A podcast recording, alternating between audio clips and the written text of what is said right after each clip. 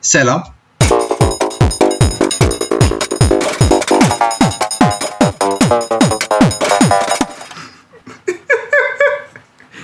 Hoş geldiniz arkadaşlar.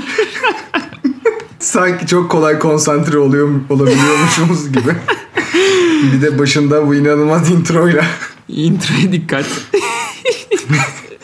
Beğendin mi introyu? dikkat. Abi bayıldım ya. Bir Yani 15 dakika falan uğraştım. ya müthiş. Ya ben neler hissettim mesela çok merak ediyorum. Ee, mesela burada kullanılan sesler özel sesler. Hmm, teriminden mi çıkarıyorsun? Çıkarıyorum.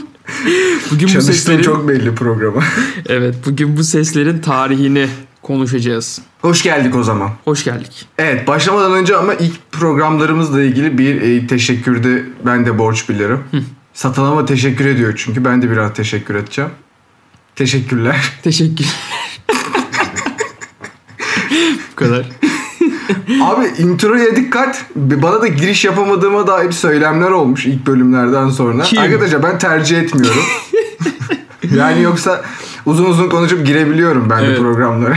Ama gerek yok. Selam bizim için uygundur. Evet. ilk programlarımız çok iyi dinlendi. Çok iyi dinlendi ne demek? Hem gelen dinleyici sayısı çok verimliydi bizim için. Çok memnun etti. Aynı zamanda gelen dinleyicimizin programımızın çoğunu hiç kapatmadan dinlemiş olması gerçekten bizi çok mutlu etti. Aynı zamanda motive etti. Listeye girdik bu arada. Evet Spotify'a buradan selamlar. Geçen hafta Spotify'ın algoritmalarını Oynattık deli. Evet. Bak Brooklyn Nine-Nine önümüzdeydi. Ben o kadar diyorum. Başka hiçbir şey demiyorum yani. Arkasında biz Nine Nine vardık. Podcast. Evet. Ama heyecan çok çabuk şey yaptı. O- olsun. Yani bir parmak bal çalmış gibi oldu Spotify ağzımıza ama olsun. azmettik geliyoruz. Evet. Dinleyicilerimize de buradan tekrardan sağ olun, var olun. Vallahi dinliyorsunuz ha. Hele ki Nirvana şakası olmasına rağmen ikinci bölümü kapatmamış olmaları. Tamamdır benim için.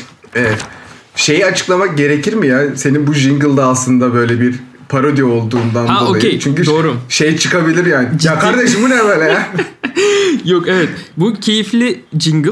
Yani keyif için yapılmış jingle. Eğlenceli Böyle bir içerik bayağı. Aynen. Dedik madem müzik programı yapıyoruz. Konuşacağımız türe göre intro yapalım her program için. Yani işte elektronik müzik konuşurken böyle elektronik müzik introsu duyduğunuz gibi. Ee, rock müzik konuşacağımız zaman çok güzel bir rock introsu hazırladık sizler için. Onu da beğeneceksinizdir diye umuyoruz. Bu şekilde böyle tatlı küçük sürprizler.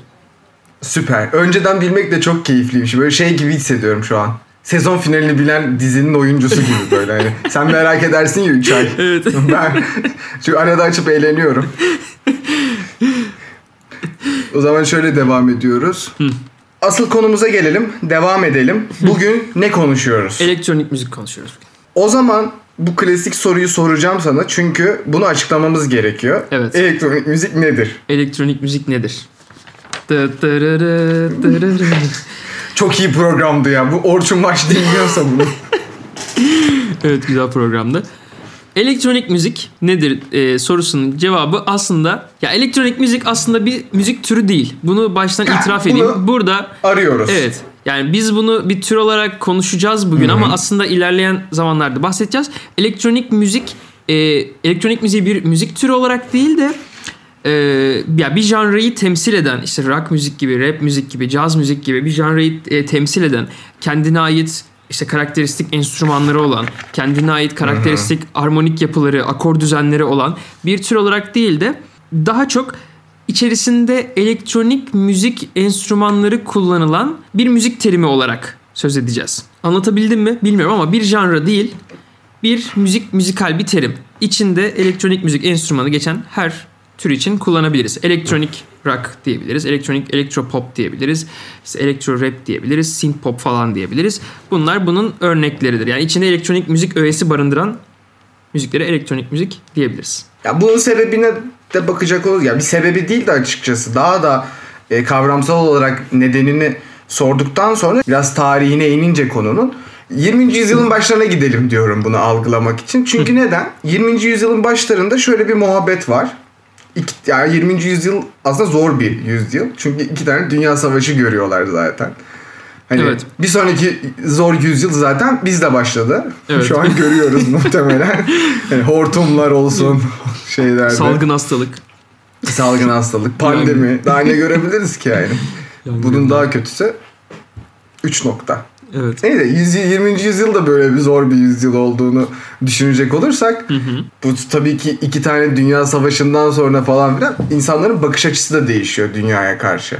Evet. Yani çünkü zor bir dönem gelişiyor. Haliyle de insanlar da gelişiyor ve insanlar da değişiyor. Bu değişim her alana da yansıyor. Yani insan deyince aklımıza gelen bilim, sanat, işte müzik gibi birçok şeyde de yenilikçi gelişmeler oluşuyor. Ve çağdaş müzik dili de e, bu dönemlerde oluşmaya başlıyor. Müzik üslubu oluşturuyorlar aynı zamanda da. Bir tek işte müzikte değil dediğim gibi bilimde ve sanatta da var. Bir arayış oluşuyor çünkü hani. Neden arayış oluşuyor? Çünkü eski müzik türleri eskiden gelen şeyde bazı şeyleri ifade edemiyor aslında. Evet bu çok Haliyle doğru. de değişim gelişiyor. Yani ifade edememekten dolayı oluşuyor. İlk yarısında birçok şeyden böyle akım oluşuyor işte. izlenimcilik olsun, anlatımcılık olsun. Yani daha bir sürü sayamayacağım kadar şeyler var. Bununla da birlikte arayış oluşuyor ya şimdi. Arayıştan sonra bir sonuç geliyor. Bu konuda açlık çeken ve kendini ifade etme, edemeyen besteciler de yeni şeyler deniyorlar işte. Rastlamsal müzik falan, 12 ton müziği, minimalizm. Bunları hep böyle deniyorlar, ediyorlar falan filan. Bir şemsiye altına toplanıyor tabii bu akımlar daha sonra işte. Herkes alanına göre ayrılıyor. Ve bu düşünce akımlarının yanında da ne oluyor? Teknolojide de çok büyük değişimler oluyor. Evet. Teknolojide de çok büyük gelişmeler oluyor. Çok önemli. Bu da bestecilerin yani müzisyenler diyeyim ben.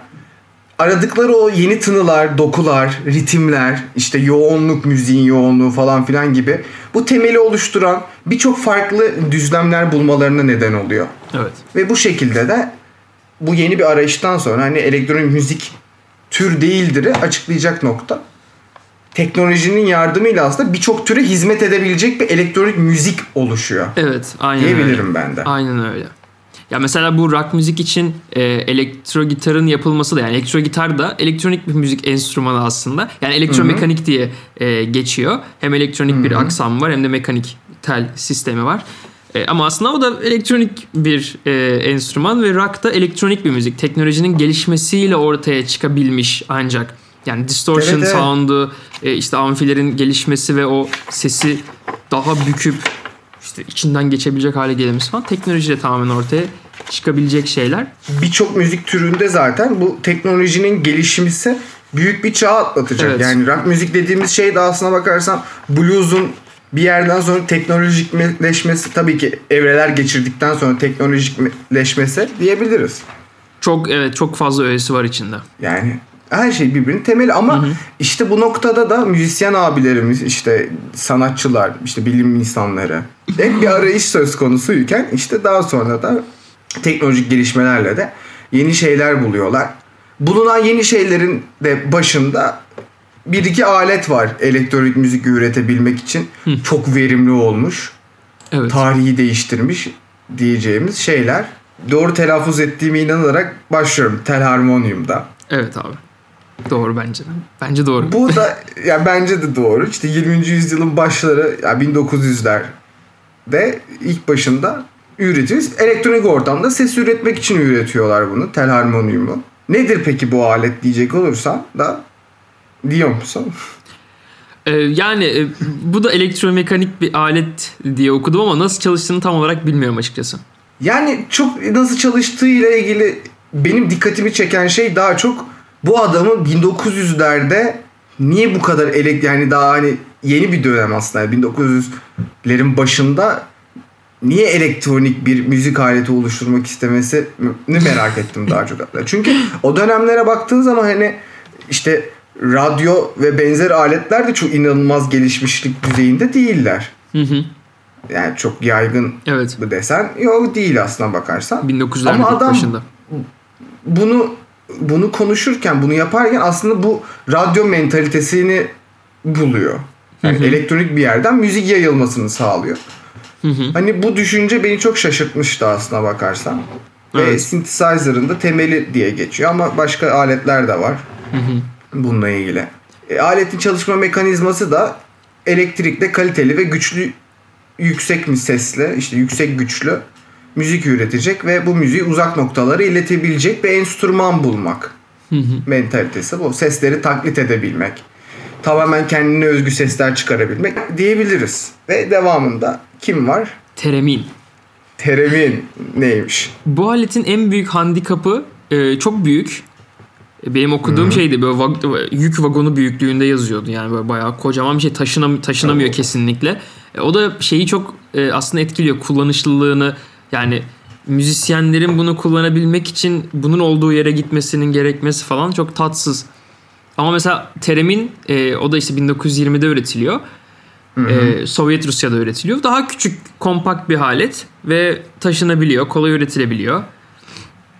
O bu açıdan çok daha büyük avantajlı ve müzik dünyasına da zaten e, daha kolay entegre olabilmiş bir alet. Evet. Bugün hani synthesizer'ın temelinde teremin daha verimli bir alet. Yeni ufuklar açmak yolunda daha kullanılabilir bir alet diye ben anladım. Hı hı.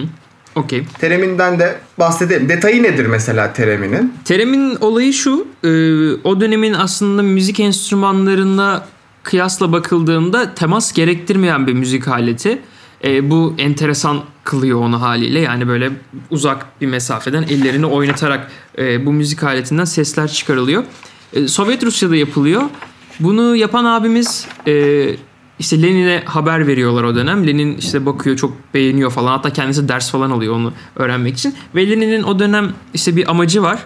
Avrupa'ya Sovyet ürünlerini, Sovyet yapımı olan, Sovyet e, yaratıcılığıyla yapılmış olan ürünleri tanıtmak istiyor ve bu e, terimine de bu açıdan çok destek veriyor ve Avrupa'da büyük orkestralara götürüyorlar e, ve tanıtımını yapıyorlar ve Avrupa'da da çok büyük ilgiyle karşılanıyor Terem'in. Orada işte kısa sürede orkestralarda kendine yer bulabiliyor ve müzik aletinin çıkardığı sesler de daha böyle bilim kurgusal sesler olduğu için insanların böyle çok garibine gidiyor yani bir anda orkestranın içerisine böyle uzay gemisi sesi gibi bir ses geliyor böyle. Ki zaten sonra filmlerde de bayağı kullanılıyor bu alet. Evet aynen öyle bilim kurgu filmlerinde özellikle çokça böyle e, o eski bilim kurgu filmlerine duyduğunuz e, işte bilim kurgusal sesler muhtemelen bu aletle kaydedilmiş olan e, seslerdir. E, bu açıdan hani insanların çok kolay ilgisini çeken ve beğendikleri, şaşırdıkları bir anda böyle hani klasik müziğe bile başka bir bakış açısı kazandıran bir müzik aleti.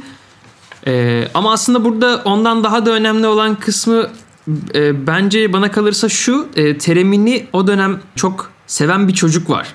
14 yaşında bir çocuk böyle bayağı terimine aşık oluyor yani. Ve evde işte kendisi böyle teremin yapmakla uğraşıyor. Nasıl yaparım nasıl ederim falan yapıyor falan. Çalmayı da öğreniyor. Ve ondan sonra bu abi büyüyüp de işte üniversitede işte fizik okuyor. Mühendislik yüksek lisansı yapıyor. işte elektronik üzerine işte PhD yapıyor bilmem ne. Ve 1960'lı yıllarda 64 yılında ilk synthesizer'ı üreten abi oluyor. Robert Moog. Ve bu noktadan itibaren e, elektronik müzik tam anlamıyla diğer akustik canlı müziğe entegre olabilir hale geliyor. Bu açıdan Teremi'nin o açtığı yolda çok önemli. Ve aslında Lenin'in de oradaki çabası yani Avrupa'ya, Amerika'ya bu enstrümanı yaymak, onları izletmek, dinletmek falan filan. O, o muhabbet benim çok ilgimi çekmişti. Ki zaten bu noktada mesela Teremin'in daha çok bahsediliyor olması tamamen temel oluşturan synthesizer'ın yapımında çok büyük katkısı olması ki zaten e, Robert Moog'un yazdığı makalelerde de gelecekteki insanların tasarımlarında teriminin büyük bir kaynak olması. Bugün hala en çok satılan terimlerin de Robert Moog'dan çıkmış olması. Evet, o markanın terimleri çok satılıyor. Evet. Bu Robert Moog synthesizer yaptığında telif almamış arkadaşlar. Patent almamış. Sadece e, synthesizer'ın filter dizaynının patentini almış. Onun dışında hiçbir şeyin patentini almamış. Aynı zamanda Telharmonium'un da 49 sayfalık 45 sayfalık bir patenti olduğundan bahsediyoruz. Evet. E, tamam bu aletler oldu. Gelelim artık müziğine. Evet. Bu tarzlarına. Ee, burada şey şöyle bir durum var. Çok çabuk sahipleniliyor bu synthesizer'lar. Özellikle İngiliz rock grupları tarafından e, Pink Floyd'un önderliğindeki bu pro- progresif Hmm, rockçılar e, bu aleti çok sahipleniyor. Çünkü hani elektro gitarın işte davulun, bas gitarın ötesinde bir atmosfer yaratab- yaratabiliyorsun bu synthesizer'larla. Bu da onlar için çok önemli. Bu psychedelic rock dedikleri falan e, olay. Pink Floyd'un şarkılarında da çok fazla atmosferik etki vardır. Yani bu synthesizer'lar sayesinde olabiliyor ve müziğin de daha ruhsal, soyut boyutlarına çıkabiliyor bu İngiliz gruplar. Ee, ve İngilizler tarafından bu elektronik enstrümanlar genel olarak zaten İngilizler tarafından niyeyse çok böyle sahipleniliyor. Beatles falan hatta e, 1960'ların sonlarına doğru Mellotron falan kullanmaya başlıyorlar şarkılarında. O dönem hani kimsenin böyle bir şeyi yok, e, hevesi yok. Ama İngilizler niyeyse böyle bir sahipleniyorlar bu elektronik enstrümanları ve çok sık kullanılıyorlar. E, Moog'u da aynı şekilde. Pink Floyd'lar falan o progresif rockçılar. Hatta progresif rock o dönemde elektronik rock anlamında e, bir çağrışım yapıyor insanlar. Yani progresif rock dendiğinde elektronik enstrümanların kullanıldığı rock gibi anlaşılıyor şimdikinin aksine. Çok iyi abi o zaman. Şey- Elektronikleşme süreci bu şekilde devam ediyor. Aynen. Doğru. Bu Ha. şekilde devam ediyor ve bizim hip hop'ta konuştuğumuz noktaya geliyoruz. Aynen öyle. Ee, 1970'lerin ortasında bu DJ Cool Herc'ten bahsetmiştik. Hip hop'un babası diye. Hmm, Babası çünkü. e, Amerika'da e, disco akımı başladığı sırada orada çok bunu konuşamamıştık ama disco akımının aslında orada bir doğmasının sebebi sebebi mi diyeyim, ön, öncülüğü mü diyeyim ne? E, disco akımından önce canlı müzik vardı. Yani DJ'lerden önce canlı müzik çalıyordu gruplar çıkıp sahneye. Fakat artık bu çok da böyle şey olmamaya başladı yani ulan İlgi çekmemeye başladı. sıkılmaya başladı herhalde insanlar ki e, işte DJ'ler çıksın hani plak çalsınlar bunlar orada falan muhabbetleri oldu. Ve mekan sahipleri her ne kadar bunun çok işlemeyeceğini düşünseler de disco kültürü aslında böyle doğdu. Yani insanlar çok sevdiler. Bayağı e, gidip işte orada istedikleri şarkıları istedikleri şekilde dinleyebiliyorlardı. Ve DJ'ler de aslında tamamen insanların enerjilerine odaklanıyordu. Yani şimdi grup sahneye çıktığı zaman işte aman doğru mu çaldım yanlış mı çaldım sıradaki şarkı neydi insanlar eğleniyor mu birçok bir ton şeyi düşünüyorsun. Fakat DJ oraya çıkıp sadece insanları şu anda ne eğlendirir? Nasıl eğlendirebilirim? Nasıl ilgilerini çekebilirim falan gibi. Hani daha o ana odaklı şeyleri düşünüyordu. Ve bu da insanların e, daha kolay eğlenmesine muhtemelen sebep olmuştu. Burada tam tam bu noktada olay ikiye ayrıldı. Bir, DJ Cool Herc abimizin ev partileri düzenleyerek New York'taki siyahi Afrika kökenli insanların kendi eğlencelerini vuku etmesi. Bir de daha sosyoekonomik olarak üst kesimin e, diskolara giderek e, birbirleri eğlenmeleri. Burada da diskolara giden insanların sosyoekonomik olarak daha yüksek demiştik. E, Fakat aynı zamanda bu insanların müzik zevkleri e, müzik zevkleri olarak da yani bir zevke sahip olan insanlar. Öyle sıradan halkın gittiği yerler değil de daha çok gençler ve belli rafine zevkleri olan insanların takıldığı e, mekanlar bu diskolar. O açıdan o DJ Cool Herc'ün oluşturduğu, başlattığı ev partilerinden çıkan e, akım rap'i doğurdu. Burası da bu diskoların başlattığı akımda aslında günümüz elektronik dans müziğini oluşturdu. Buradan işte Martin Garrix'lere, Tiesto'lara ve e, işte diğer e, prodüktör DJ'lere uzanan yolun önünü açtı. Aslında bunların hepsi işte dediğim DJ'in çok yetenekli, çok müzik bilen, çok iyi müzik bilen bireylerin olması gerektiğini de anlıyoruz senin dediklerinden. Çünkü bu insanlar bir tabir vardı bu araştırmalarımız arasında. Sahnede işte canlı müzikten sonra dediğin gibi işte insanlar e, işte diskolarda elektronik müzik çalsın falan filan derken DJ tiyatrosuydu aslında. Yani sahneye çıkan bir bireyin e, aslında insanların nabzını tutuyor olması, Evet. sesten anlıyor olması gerekiyor, müzik biliyor olması gerekiyor ve milletin sevdiği kısımları da tartabiliyor olması gerekiyor. Ve bu adam aynı zamanda da 3 tane, 2 tane, 3 tane plağı aynı anda çalabilme yetisine sahip olması gerekiyor. Evet. Bunlar bunlar çok önemli noktalar. EDM'e gelirken işte senin de dediklerin ek olarak bunları söylemeyi bir borç bilirim bu programa. ya çünkü burada mı bahsetmeliyim bilmiyorum ama günümüzde bu kavram böyle birazcık daha bu noktadan sekmiş durumda. Yani DJ dediğin zaman farklı noktalarda insanlar da DJ'lik yapıyorlar. Evet.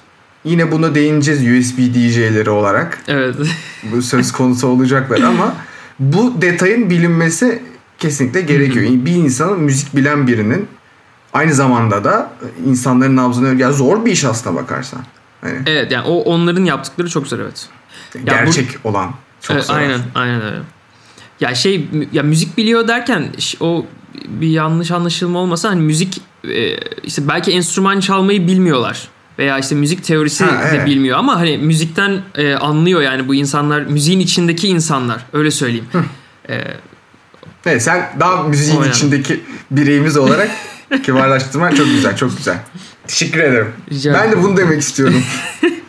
Dedim ben yo, kaba ben, ben anladım bu. anladım anladım. Evet, sen bir de o jargona hakimsin daha çok falan. evet, EDM dedik o zaman. Bu işte disco kültürü iyice yükselince Amerika'da halk tarafından ciddi bir rahatsızlık oluşuyor. Yani bu insanlar gidiyor orada eğleniyorlar. Çünkü bu diskolara giden insanlar halk değil. Onu söyleyeyim yani sıradan halkın gittiği yerler değil. Onlar onların içinden de gidenler var fakat işte eşcinsellerin, toplum tarafından e, dışlananların, hoş görülmeyenlerin e, gittiği ağırlıklı olarak yerler ve bu yüzden de bizim toplumumuz bozuluyor mu? Toplum Hmm. nereye gidiyor? İşte bunlar burada uyuşturucu kullanıyor, bilmem ne yapıyor falan gibi e, hemen bir toplum refleksi ve Amerika'da 1979 yılında sokaklarda plak yakılmaya falan başlanıyor böyle. Diskoya hayır, disko bitsin işte bunlar e, gay zenci müziği bu işte biz rock and roll dinleriz falan diye böyle sokaklarda birbirine katıyor insanlar birbirlerini ve DJ tam böyle işte şey disco tam böyle çıkacakken e, belki de ana akıma ve yayılacakken ülkede Amerika'da tekrardan bir şeye dönüyor. Bir underground'a it- itiliyor. kültürüne. Yani böyle kafasına bastırılıyor böyle tekmeyle ve aşağı doğru ittiriliyor tekrardan. E, bunun belli e, pozitif yönleri oluyor. Çünkü kitle iyice rafineleşiyor burada. Yani herkes artık gitmiyor. Çünkü insanların bir Gidemiyor aslında. da Evet. Yani. Hem bilmiyorlar yani haberleri olmuyor nerede olduğuna dair. E, internet yok bir şey yok. Bir telefonun gelip sana haber verilmesi lazım. Hem haberleri olmuyor hem de biraz da çekiniyor insanlar yani ulan bir şey olur mu polis gelirse ne yapar bilmem ne diye. Ve kitle iyice rafineleşiyor dediğim gibi ve bu da DJ'lerin daha deneysel işler yapmalarına yol açıyor. Çok bu- iyi bir şey bu. bu bana göre böyle yani bu gerçek mi bilmiyorum ama bence o o ona sebep olmuştur ve çünkü house müzik doğuyor bu underground'da. E, house müzik bu şekilde ortaya çıkıyor. Daha deneysel bir müzik. Yani e, işte bir funk parçasını alıp DJ e, turntable'ını da bu DJ e, aletini de daha e, perküsyonik bir şekilde kullanarak iki plağı aynı anda çalarak işte böyle fik fikü fikü fikü falan o şeyler işte bildiniz o herkesin eli şu an öyle yapıyor. O, o Çıldırıyoruz. o fikü fikülarla beraber e, daha böyle işte deneysel bir müzik ortaya çıkıyor ve üretim yani müzik müzik üreten insanların da sadece DJ'lerin değil müzik üreten insanların da daha deneysel şeyler dinlemeyi teşvik eden bir olay oluyor bu. Bu açıdan çok Hocam önemli. işte burada bir neden sonuç reis olarak yine konuşmamızın başında da işte 20. yüzyılın o savaşların insanın değişimi etmesi hani yaşanan kötü olaylar olarak değil de insanın hayatındaki değişimler işte baskıyla ya da başka şeyle Evet. işte diskoya gidemeyen insanların e, zaten toplum tarafından baskı görmüş bireylerin disko toplanma noktasıydı ve diskoyu gitme lan gibi hani plak yakma gecesi diye bir rezalet var. Yani plak çalanlar, üst üste plak çalan insanların toplandığı yerlere gitmelerini istemiyorlar ve dediğin gibi hani eşcinsel müzi siyahi müziği lan bu biz bir dinlemeyiz ya, rock and roll come on Evet. deyip plak yakma gecesi diye bir gün var yani tarihte. Ve aynı zamanda deneysel demeyene katılıyorum deneysel şeyler. Çünkü bir süre sonra mecbur kalıyorlar zaten insanlar. Yeniliği arıyorlar. Yeni şeyleri arıyorlar. Bugün zaten her şeyin temeli bu. Hani bir yenilik arıyorsun ve teknoloji gelişiyor. Başka şeyler gelişiyor. Yeni bir kafa geliyor. Oluşturuyorsun ve devam ediyorsun.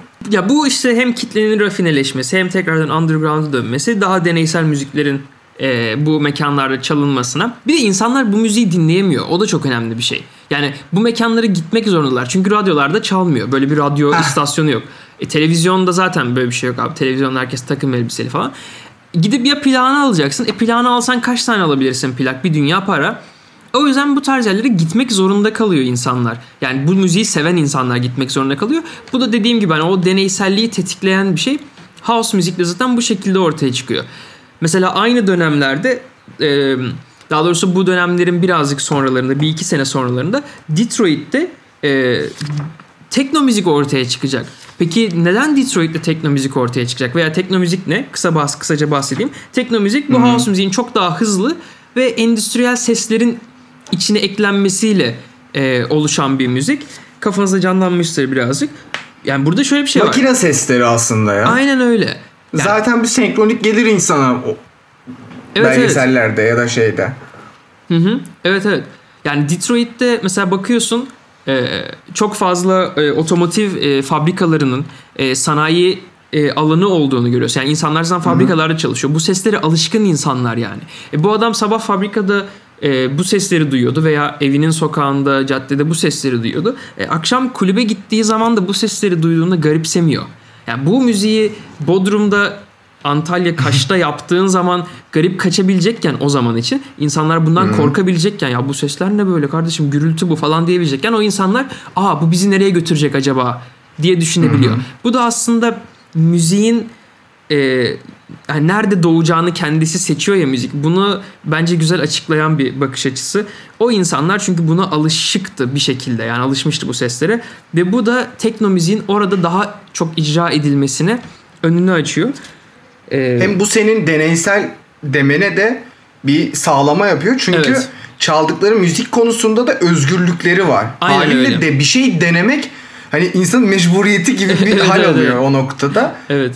Ve yer altına da indiği için denemek kolaylaşıyor. Çünkü yer altına yani underground olması ticari kaygısının en alta inmiş Aynen olması aynı zamanda. Ve benim bir ticari kaygının benim düşüncem bu. Ticari kaygının olmamasının bir nedeni de senin dediğin insanların bunu kolayca bulup dinleyememesi yani zibilyon tane gidip plak almamasından dolayı bu insanlar zaten evet dinlemek için mecburen diskolara gelecekler. Aynen. Ve Detroit şehrinin etkisi işte yani o üretim hattının içinde olmuş olması ve sınırı yok yani bu işin. Evet. Tekno'nun temeli oluyor. Çok güzel bir şey. Ya belki bu müzik hani dünyanın pek çok farklı yerinde yapılıyordur ama hani orada en büyük etkisini gösterebiliyor. Bu mühim. Hani bu böyle konuşuyoruz, merceğe alıp konuşuyoruz yani bu bölgeleri falan ama yine de o ilk disco kültürü gibi yukarılara çıkamıyor bu. Özellikle Amerika'da. Çünkü hani insanların bir korkusu var, polis korkusu var her şeyden önce. Hükümetin de ve büyük halk ki- kitlelerinin de bir ön yargıları var. Ee, bu disco işte dans müziğine, elektronik dans müziğine karşı. Bu yüzden e, aslında bu olayın devamı Amerika'da değil de e, İngiltere'de e, daha da ilerlere taşınıyor ve hani Amerika'da bu kadar kalıyor. Hani belli bir bölgede insanların eğlendiği bir işte gece eğlendiği, gece eğlencesi olarak kalıyor. Çok da büyüyemiyor. Ama tekrardan geri dönecek oraya bir Evet. vesileler, bir bilmem neler Evet, ama bir şimdilik bir şekilde dönecek. Şimdilik bu şekilde takılıyorlar yani bir belli bir kesimin bildiği, belli insanların Evet. bildiği, gidip eğlendiği bir alan olarak. kanka bir şeyler çalsana. evet. Ama mesela üretim Amerika'da devam ediyor. Yani müzik üreten insanlar, o, o dönem prodüksiyon yapan insanlar e, Amerikalı. E, baktığın zaman o şarkıları yapan insanlar falan Amerikalı. Sadece Amerika'da çalınmıyor. İng- İngiltere gidiyor, Avrupa'ya gidiyor, Almanya'da çalıyor. Ibiza'da Hollanda'ya mesela. gidiyorlar. Aynen. E, Hollanda'da, Ibiza'da e, oralarda daha çok e, etkisini gösteriyor bu müzikler kullanılıyor. Oralara satılıyor yani. Ya Ibiza'da mesela Ibiza iyi bir örnek. Çünkü orada hani eğlence kültürünün de oluşmuş olması hani o sahiller, Hı hı. partiler hani particilik olduğu için de elektronik müzik tercih ediliyor. Ya çünkü zaten hani bir grup bir grubu dinlemek konsantre gerektiren bir şey yani. Aynen öyle. bir grubu abi. dinlemeye gidiyorsam ben gerçekten merak ettiğimden Aynen canlı öyle. performansını, vokalin işte davulcu nasıl çalıyor falan. Onları takip etmeye gidiyorum ama elektronik müziğin oluşması bu kültürde çok değerli bir şey. Çünkü sen orada eğlenmeye, dağıtmaya gidiyorsun aslına bakarsan. Müziğin olmuş olması da Evet. Çoğu E, elektronik o müzikte ortamı- sö- söz Öyle bile yok. yani. Şey söz, Söz bile yok, Söz evet. bile yok çoğu elektronik müzikte. Yani çok net. Amacı çok belli ve amacına doğrudan gidiyor böyle. Hiç bir işte sağa sapması sola sapması yok. Doğrudan eğlendirmek istiyor ve eğlendiriyor. Ama işte efendim işte eğlendirirken düşündüreyim, şöyle sözler yazayım, böyle alt diye şöyle bir şey yapayım böyle. Yok abi böyle bir şey boş ver. Koy millet eğleniyor işte. Yani ya amaç o bir de daha çok evrenselleştirir bu bir durumu yani hani. Sözsüz Evet. olmasa herkes anlıyor sonuçta. Hı hı. Yani herkes hissedebiliyor. Bu doğru. Yoksa sözün olması aynı zamanda e, çok yüksek konsantre gerektirmiyor. Yani hep dinliyorsun, hep eğleniyorsun. Hı hı. Bu da dilini oluşturmuş amacına yönelik bir hareket. Güzel bir şey. Ee, 1980'lerin sonunda şöyle bir şey oluyor. İşte Amerika'da bu müzik çok fazla hani büyüyemiyor dedik. Yani İngiltere'de daha çok büyüyecek dedik. Ee, 1980'lerin sonunda da e, zaten 1980'lerde İngiltere çok e, iyi bir konuda değil. Yani işsizlik falan çok yükselmiş. Fabrikalar artıyor. Şey kapanıyor. E, milletin birazcık keyifsizlik durumları da var ve hani birazcık da kaçış olarak e, görülüyor bu partiler ama bu partiler çok dediğim gibi hani ucuz partiler değil. Hani para lazım. Ses sistemi için para lazım. Mekanın kiralanması için para lazım. İnsanların gelip orada eğlenebilmesi için paralarının olması lazım. Bu çok da mümkün değil. O yüzden birazcık daha kaçak göçek partileşme başlıyor. Yani millet şeyi falan yapıyorlar. Tarlalara gidiyorlar. Ee, Böyle bir birisi organize ediyor, arıyor. İşte akşam 12.30'da M25 karayolunun kuzeyindeki çıkıştan çıkıp 100 metre ileride parti yapacağız falan filan diye böyle millet gece vakti gidiyor M25 karayolunu tur atıyor arıyor nerede bu parti diye. işte nerede bir insan kalabalığı görürse oraya yanaşıyor. Kimse nerede olacağını da bilmiyor. Birisi öğreniyor işte doğuya yürüyecekmişiz diye doğuya yürümeye başlıyorlar. Ellerinde plak kutularıyla beraber bin tane adam gecenin bir yarısı. O şekilde hani eğlenmek için baya baya çaba sarf ediyorlar. Baya uğraşıyorlar. Çünkü başka şansları da e, yok gibi bir durum var. Ve bu durum nasıl diyeyim? Aslında bir açıdan da insanlara e, özel hissettiren bir şey. Yani bir gece vakti sana bir telefon geliyor.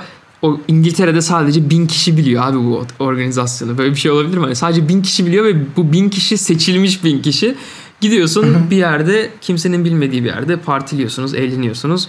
Bu bayağı insanları değerli de hissettiren bir şey. O yüzden de çok bırakamıyorlar. Bu kopmak da mümkün değil. O işte gençlerin hayat amaçlarını kaybettikleri noktada tutunacakları bir şey gibi de e, görülüyor olabilir yani o zaman.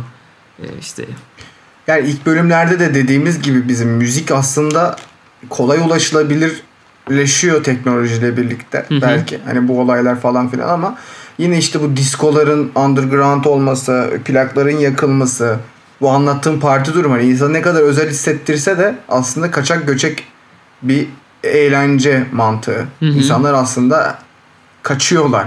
Eğlenmek için kaçıyorlar. Ya bu önemli bir hak. Yani gereken bir durum insanın eğlenmiş olması. Ama dediğin gibi o dönemlerde İngiltere'deki zaten işsizlik katsayısı artıyor. Günümüzdeki bazı ülkelere benzer sorunları oluyor falan filan. Kısaca zorluklarla birlikte oluşan kültürler ve bunların bu kadar kökleşmesinin sebebi de o zorlukları çoğu insanın yaşaması, ya yaşayan insanların bir arada olması. hı hı.